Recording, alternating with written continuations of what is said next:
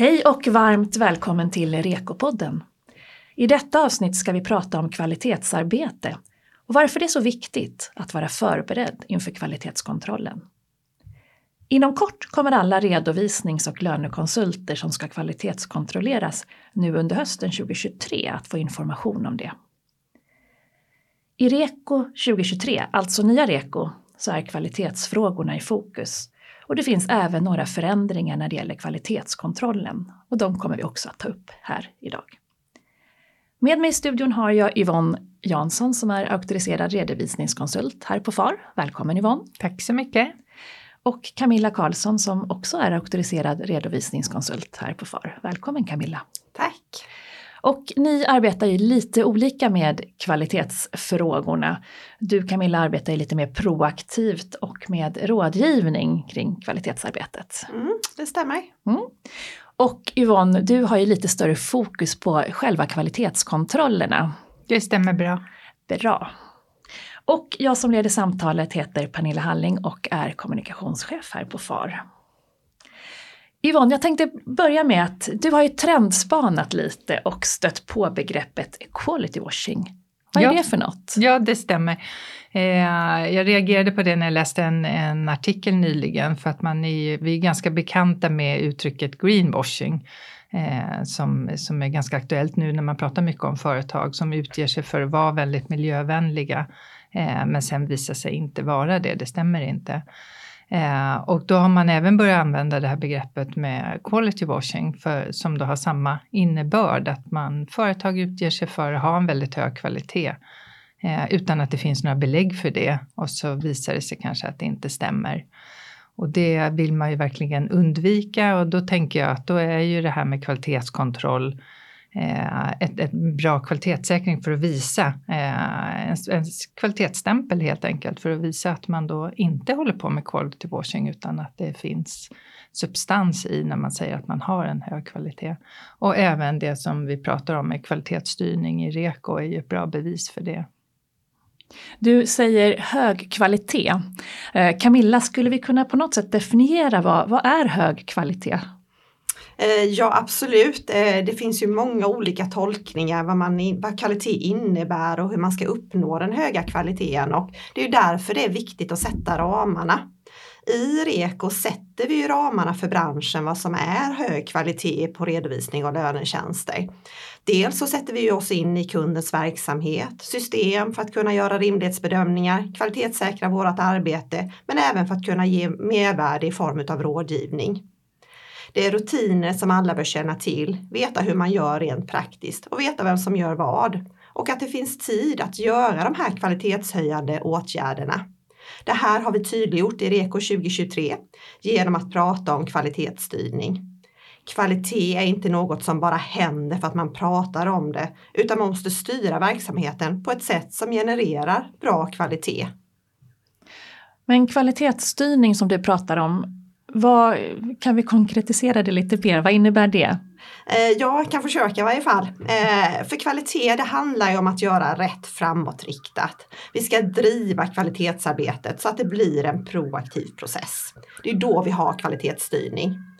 Men det ingår också att fundera på vad det är som kan gå fel ibland. Vilka risker finns det om man rapporterar felaktigt till kunden eller om man inte levererar i tid? Och vad man ska göra för att minska de här riskerna.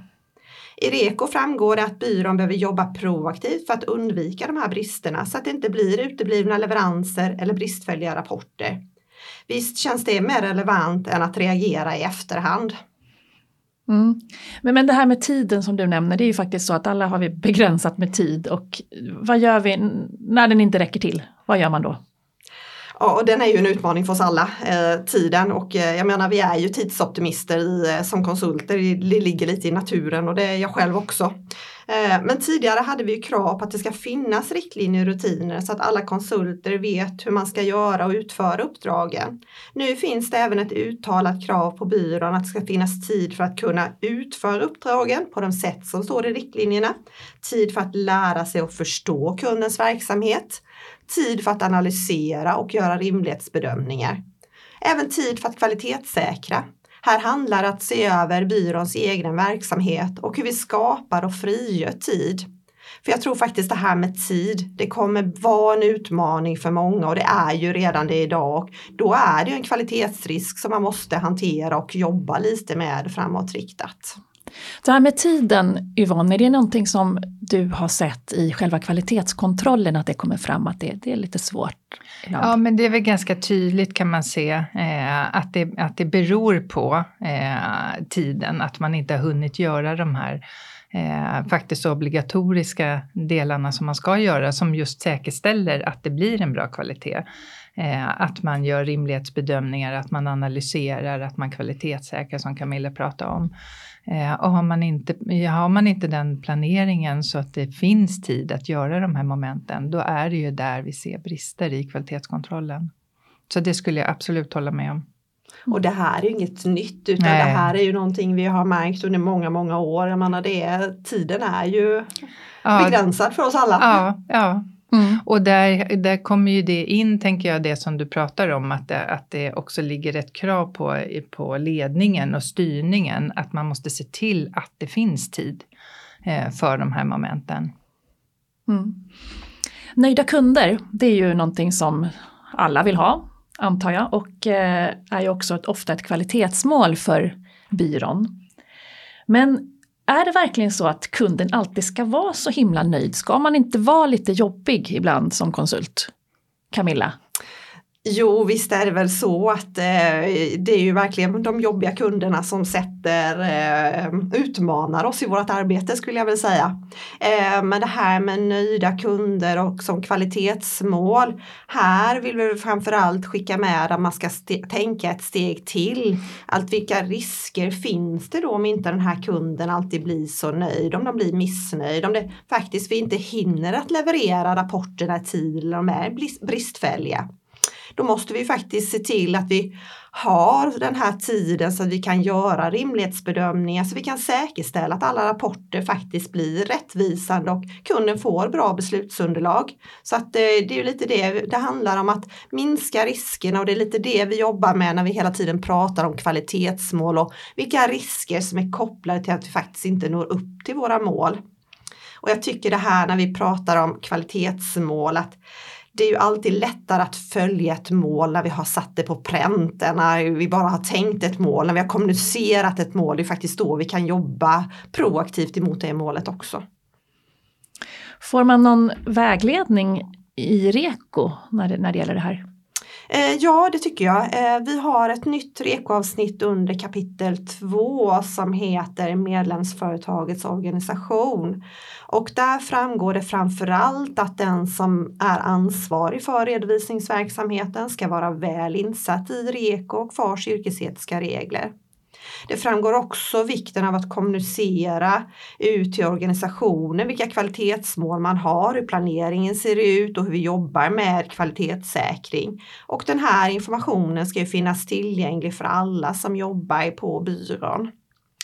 Jag tänkte bara när vi pratar här om kvalitetssäkring Yvonne. Mm. Eh, hur tänker vi lite där? Måste alla uppdragen kvalitetssäkras?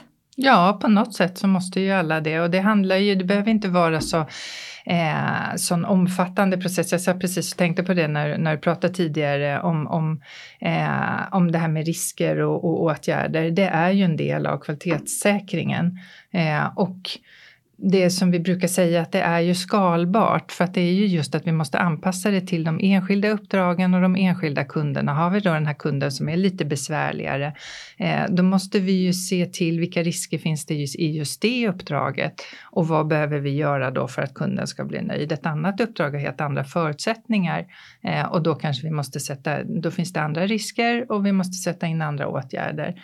Eh, så att kvalitetssäkringen kan ju vara ganska enkel eh, beroende på att det inte finns så mycket risker i just det här uppdraget. Men den kan också vara väldigt omfattande när, om det är ett komplext och, och eh, stort uppdrag till exempel. Så, men jag skulle säga att kvalitetssäkring i någon form måste vi ju ha och det är ju precis det vi pratar om hela tiden. Ska vi ge några eh, exempel på vad kvalitetssäkring kan vara tänker jag. Jag menar dels kan det vara att man använder de checklistorna som man har beslutat på byrån. Mm. Det kan vara fyra ögon. Det kan vara lite stickprovskontroller. Ja. Så att, eh, där har ni lite medskick på exempel på kvalitetssäkringsåtgärder också. Ja, och jag tänker också att man inte ska bli så, så uppskrämd eller, eller tycka att det är någonting nytt det här med eh, det som vi pratar om med risker och åtgärder. Eh, för att man kan lika gärna gå bakvägen precis som du säger. Vad gör vi idag? Jo, men vi använder checklista deklaration därför eh, att vi vet att det ofta blir fel och vi vill undvika att det blir fel. Därför har vi bestämt att vi ska använda den checklistan. Så det här är ju någonting som redan finns och är pågående. Det är bara det att vi kanske sätter ord på det lite tydligare nu. Camilla, du nämnde det här eh, REKO-avsnittet, medlemsföretagets organisation. Eh, hur påverkas, om jag är anställd medarbetare eller konsult, hur påverkas jag av det REKO-avsnittet då?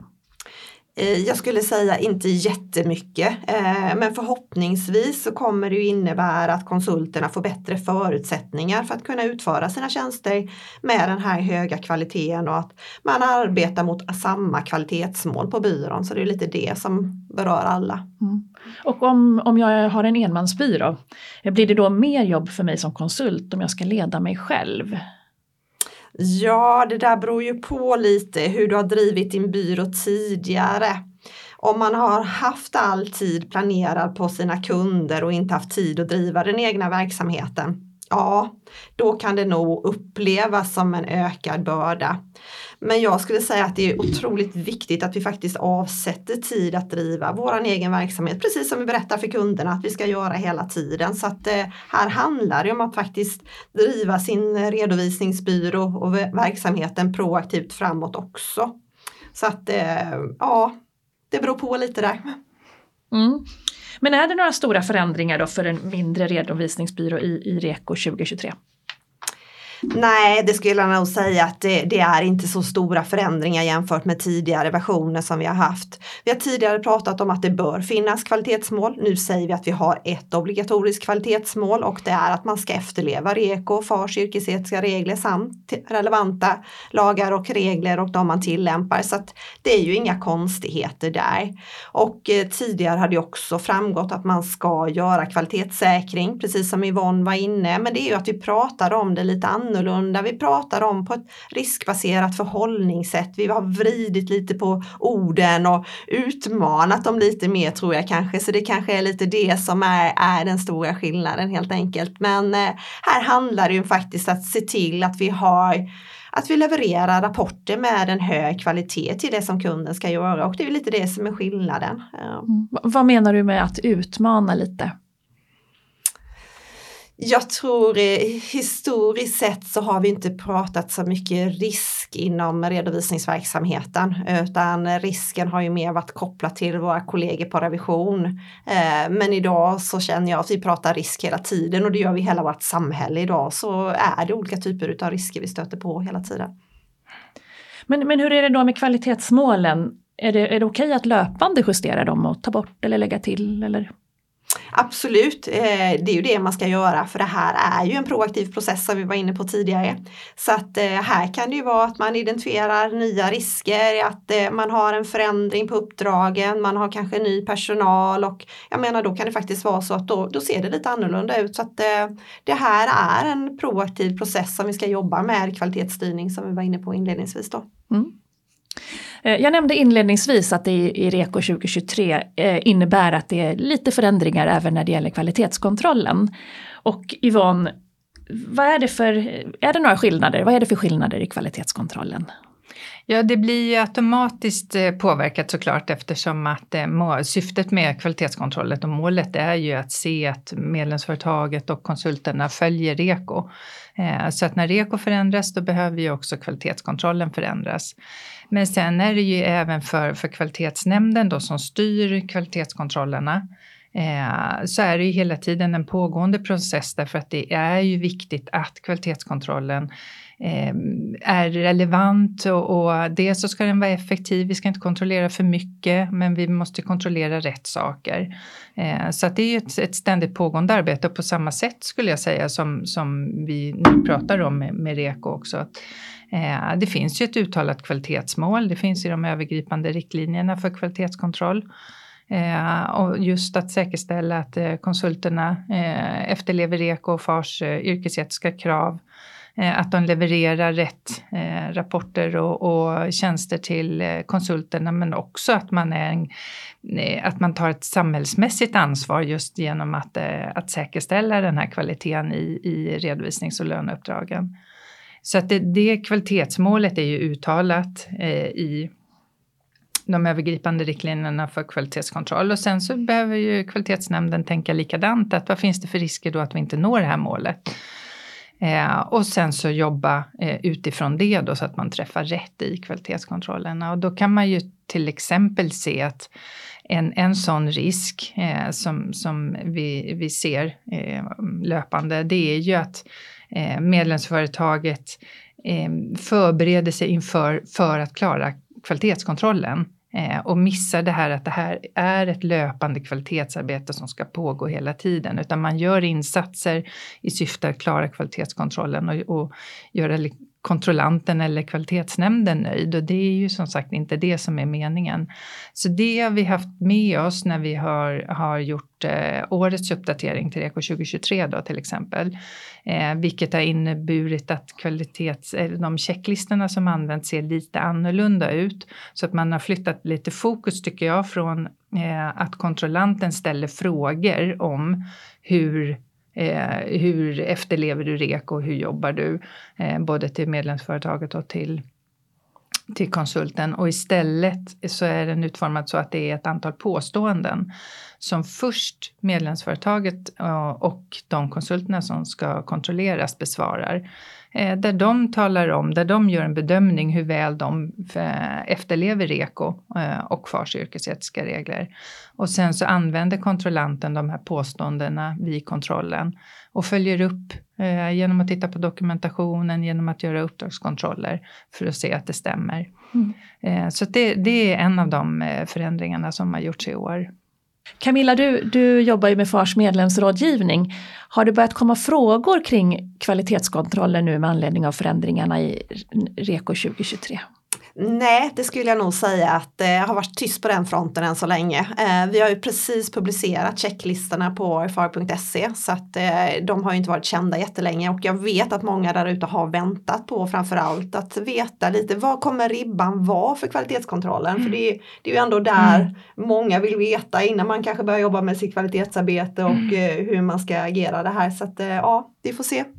Ja, och där skulle jag vilja flika in, eh, vi får eh, återkommande synpunkter både från de som kontrolleras och från kontrollanter ibland eh, om att man skulle ha någon form av hjälptexter i, eh, i checklistorna. Eh, och då skulle jag säga att det är ju REKO som är eh, hjälptexten för att det enda syftet med kvalitetskontrollen det är ju att, att se att man jobbar enligt REKO. Och vad som krävs och förutsättningarna det, det framgår ju i REKO. Eh, så att jag skulle säga att också att eh, det bästa sättet att förbereda sig det är ju eh, att läsa REKO och sen så titta på checklistorna. Vilken typ av frågor är det som man kommer ställa?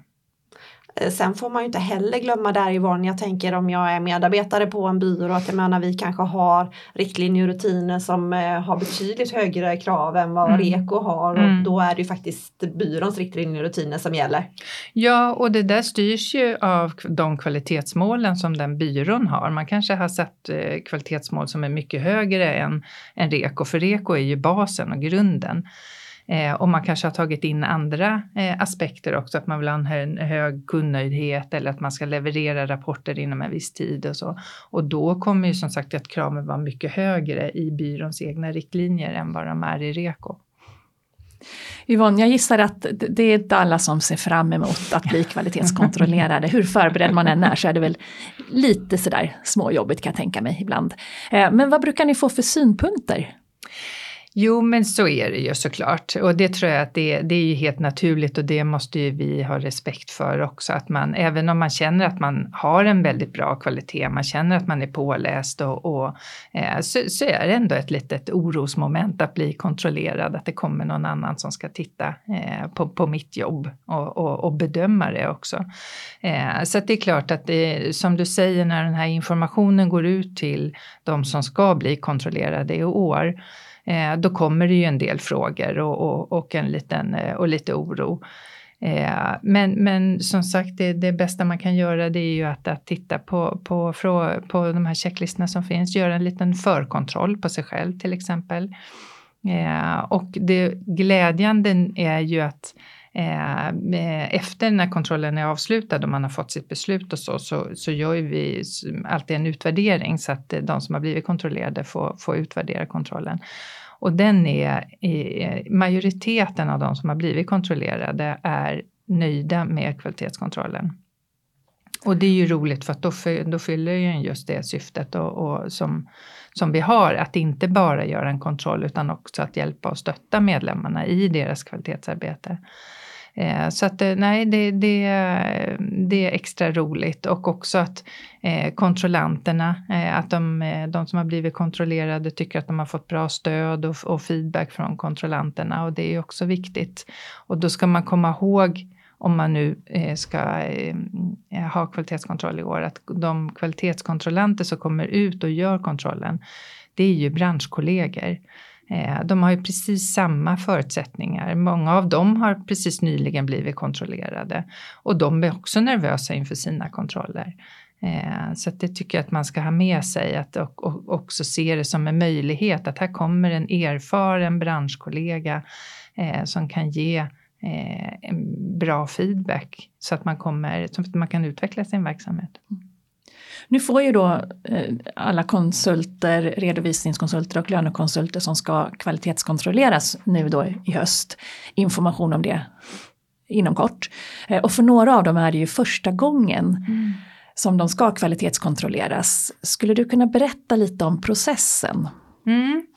Ja, för det, vi är ju mitt i, i eh, uppstartsprocessen nu. Eh, urvalen görs ju av, av oss här på FARE, kvalitetssekretariatet.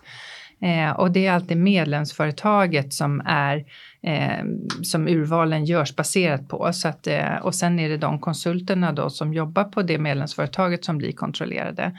Så har man bytt byrå så då kan det innebära att man blir kontrollerad lite tidigare. Eh, annars så är det ju vart sjätte år, minst vart sjätte år som kvalitetskontrollerna görs. Eh, så att då gör vi ett urval och sen så eh, eh tillsätter man kvalitetskontrollanter eh, och sen går det ut då information till de som ska kontrolleras. Eh, där, man, där det också framgår vem som är kontrollant, när det ska vara rapporterat och klart och lite annan information.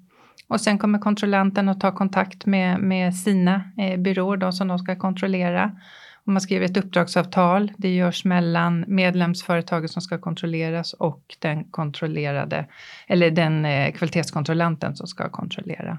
Så att det inte är med FAR man skriver eh, uppdragsavtalet. Och sen under hösten då så, så startas kontrollen upp genom att man Numera, eh, för första gången i år, så kommer vi använda ett digitalt verktyg för att göra kvalitetskontrollen så att då kommer man få bli insläppt i det verktyget då eh, under hösten och börja med att fylla i de här påståendena som eh, och ladda upp lite dokument och sånt som eh, kvalitet, så att kvalitetskontrollanten kan förbereda sig på ett bra sätt. Eh, så att kontrollen blir effektiv eh, också för, för båda parter. Och sen görs kontrollerna någon gång under, under hösten, mellan september och december eh, är det vanligaste eh, att kontrollerna genomförs. Eh, det är alltid en dialog mellan kontrollanten och de som blir kontrollerade. Det är inte så att de sitter för sig själva och granskar och sen lägger fram ett färdigt förslag utan det är, det är transparent och, och en, en dialog. Så att kontrollanten avslutar alltid sin kontroll med att tala om vad de kommer lämna för, för bedömning så att man har möjlighet att diskutera det. Men vad händer om man inte blir godkänd? Ja, det är, det är lite olika. Eh, därför att kontrollanten i, i, lämnar bara ett förslag på bedömning och sen är det kvalitetsnämnden som gör det slutliga eh, beslutet om man blir godkänd eller inte. Eh, om man inte blir godkänd då kan man antingen få en fullständig omkontroll, då får man det inom ett år. Så att man får veta vad det är som inte har fungerat och så får man ett år på sig att rätta till det. Och då kommer en ny kontrollant och titta på de sakerna då som inte som man tycker inte har fungerat. Annars så händer ingenting egentligen, eh, förutom det. Alltså inte samma kontrollant en gång Nej, till? Nej, utan det är en ny kontrollant och som tittar med nya ögon. Så att man inte ska vara påverkad. Mm. Eh, och sen kan man också få en begränsad omkontroll om det bara är några, en eller några få saker. Till exempel vidareutbildningen som är en vanlig, eh, sån vanlig orsak till att man kan få omkontroll. Att och det man, kanske handlar om tid? Ja, Ja. ofta är det ju det faktiskt. Eller ja, i stort sett alltid skulle jag säga. Mm. Eh, handlar om att, det, att man inte har tid.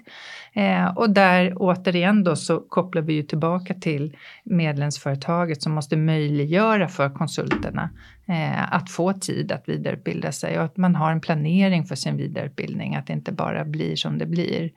Mm. Och men då kan det vara, då tittar man bara just på det, då är allting annat godkänt och så, så gör man en uppföljning på att man, eh, att man då uppfyller vidareutbildningskraven. Så att man kan också få då en begränsad omkontroll som det heter. Jag antar att kvalitetsnämnden ofta går på kontrollantens bedömning, stämmer det? Ja, det är lite olika men, men eh, generellt sett så, så, är, så är det ju så. Eh, men sen har ju då eh, kvalitetskontrollanten, de har bara möjligheten att godkänna eller inte godkänna. Medan kvalitetsnämnden kan godkänna eh, helt och hållet, man kan godkänna med förbättringsförslag. Man kan då eh, bedöma om en begränsad omkontroll eller en fullständig omkontroll så att man har en lite större verktygslåda. Så att där kan det ju skilja sig lite grann. Eh, men då blir det, om det skulle vara så eh, att eh, kvalitetsnämndens beslut avviker från kontrollantens för, förslag då blir det alltid ett preliminärt beslut först så att den, eh, de som är kontrollerade har möjlighet att lämna synpunkter på beslutet innan det fastställs. Hur lång tid tar det från kontroll till färdigt beslut ungefär? Ja, det är lite olika därför att eh, kvalitetsnämnden sammanträder kanske ja, i snitt fyra gånger under den här perioden då under eh, kanske november till april eh, när kontrollerna är, är inrapporterade. Eh, så att det beror lite grann på då eh, när deras eh, planerade möten är. Så att ibland så kan det ta lite lång tid från det att man har gjort sin kontroll till att kvalitets, man får kvalitetsnämndens beslut. Så det kan vara bra att veta så att man inte blir orolig. Det, det liksom betyder ingenting att det, att det kan ta lite tid.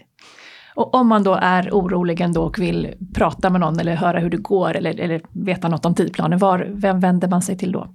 Ja, när det gäller kvalitetskontrollen, eh, då kan man vända sig till mig. Eh, om det är allmänna frågor om, om eh, hur, ja, men hur man tolkar eko eller vad som krävs, då kan man vända sig till Camilla. För att jag ska inte ge konkreta råd i kvalitetskontrollerna på det sättet. Men, men absolut om man har frågor eller funderingar eller inte förstår. Eh, om man inte förstår checklistan eller om man inte förstår vad kontrollanten eh, har sagt eller om man har någon synpunkt på, eh, på kontrollen eller kontrollanten så får man jättegärna vända sig till mig. Mm. Vi ska väl också poängtera lite där Yvonne tänker jag att kvalitetsnämnden som du har pratat om de är ju helt oberoende från Ja. oss som eh, jobbar här på FAR. Ja. Eh, så att de eh, är ju inte verksamma här utan Nej eh, precis, de väljs ju av årsstämman Mm. så att, eh, och det är bra att hålla isär det. Eh, och sen så är det bra också att vi har den här, det här samarbetet på något sätt för att nämnden de fattar ju bara då beslut i kvalitetskontrollen och ser till att kvalitetskontrollerna fungerar på ett bra sätt. Eh, men de, eh, vi tar ju med oss till exempel de här om det är vanligt förekommande brister som vi pratar om med, med vidareutbildningen. Eh, då är det ju FAR som kan, kan göra de här åtgärderna då för att minska de här bristerna. Eh, och kanske sätta in mer utbildning eller skriva artiklar, en sån här podd. Eh, och göra olika insatser för att hjälpa konsulterna eh, att eh, klara kvalitetskontrollen helt enkelt. Och det vill vi ju verkligen. Vi Ja. vill ju verkligen hålla er alla där ute i handen så att eh, det går Ja, bra. och det ska jag säga också att de allra flesta klarar sig. Vi har ju en väldigt bra procent på det. Alltså det brukar ligga runt 90 procent eh, varje år på, som är godkända i kvalitetskontrollen. Så att det ska man ha med sig tycker jag. Att det, och då tänker jag också, vi brukar ju få den frågan eh, om, om Eh, vad är det egentligen för kundnytta? Man är, som konsult är man ju väldigt fokuserad liksom, på kunden och kundnytta. Vad är det för kundnytta med, ja, med, med REK och med, med kvalitetskontrollen? Eh, och då, då kan jag tycka att det är ju, det är ju en, en, ett bevis på att det verkligen är kundnytta för att det vi gör det som konsult, det är ju att utföra tjänster och lämna rapporter till kunden. Och kan då kvalitetskontrollen säkerställa att vi har en bra process som säkerställer att vi med största sannolikhet kommer lämna rätt rapporter och vi har rutiner som gör att vi lämnar det i tid och att vi minskar riskerna, då är väl det verkligen kundnytta tycker jag. Och det är ju det här precis som auktorisationen står för också. Ja, ja. Ja, det är det som gör skillnaden. Mm. Och att vi kan visa på just att vi, om man då går tillbaka till det här med, med quality washing, eh, att, vi, att det finns ju bevis. Eh, vi kan visa, vi jobbar enligt en kvalitetsstandard, den kvalitetsstandarden ser ut så här. Vi har eh, kontroll som säkerställer att vi också följer den, att det inte bara är någonting som vi säger utan att vi faktiskt gör. Så eh, verkligen en konkret kvalitetsstämpel. Mm. Så man ska vara stolt eh, och, och, bli glad när man får det här brevet att man är uttagen för kvalitetskontroll. Det låter ju lovande det här att det är så hög andel som blir godkända. Ehm, men Camilla, har du några eh, avslutande tips här till de som nu ändå ska då kvalitetskontrolleras och kanske är lite nervösa? Ja, jag vill ju ändå koppla tillbaks det här med tiden. Eh, avsätt tid och gör det inte bara nu i år när det är kvalitetskontroll utan det här handlar om hela tiden att fokusera på att det finns tid att jobba med kvalitetsfrågorna så att vi jobbar med det som en proaktiv process så att ni har en kvalitetsstyrning helt enkelt där ute. Yvonne, har du några tips? Jo, men jag tänker också på det och, och att kanske börja i det lilla, att inte eh, börja med att tänka på det som man redan gör och sen så utveckla det liksom därifrån. Eh, så att eh, ja, absolut, och, och, ha med det som en, en pågående process hela tiden eh, i syfte att eh, leverera bra, eh, bra tjänster till kunden helt enkelt. Det är det som, som är grunden. Mm. Eh, vi kan väl också passa på att tipsa om att vi på FAR har ju också en kurs inför kvalitetskontroll Eh, där jag och Yvonne berättar ännu mer. Av en händelse är det vi två. Så att, eh, håll utkik efter den också om ni vill ha ännu mer input inför kommande kontroller. När, eh, när går den kursen? I maj, slutet av maj. Mm. Och sen som vi sa tidigare så finns det ju mycket material på far.se. Dels eh, checklistorna ligger ju där så att man kan ta del av dem och förbereda sig. Man kan göra en liten förkontroll på sig själv. Eh, det finns artiklar på både balans och far.se som man kan ta del av. Så att, eh, och ring oss om ni har några frågor. Mm. Och de orden får avsluta den här podden. Stort tack Camilla och Yvonne. Tack. Tack. Tack och stort tack du som har lyssnat. Jag hoppas att vi hörs snart igen.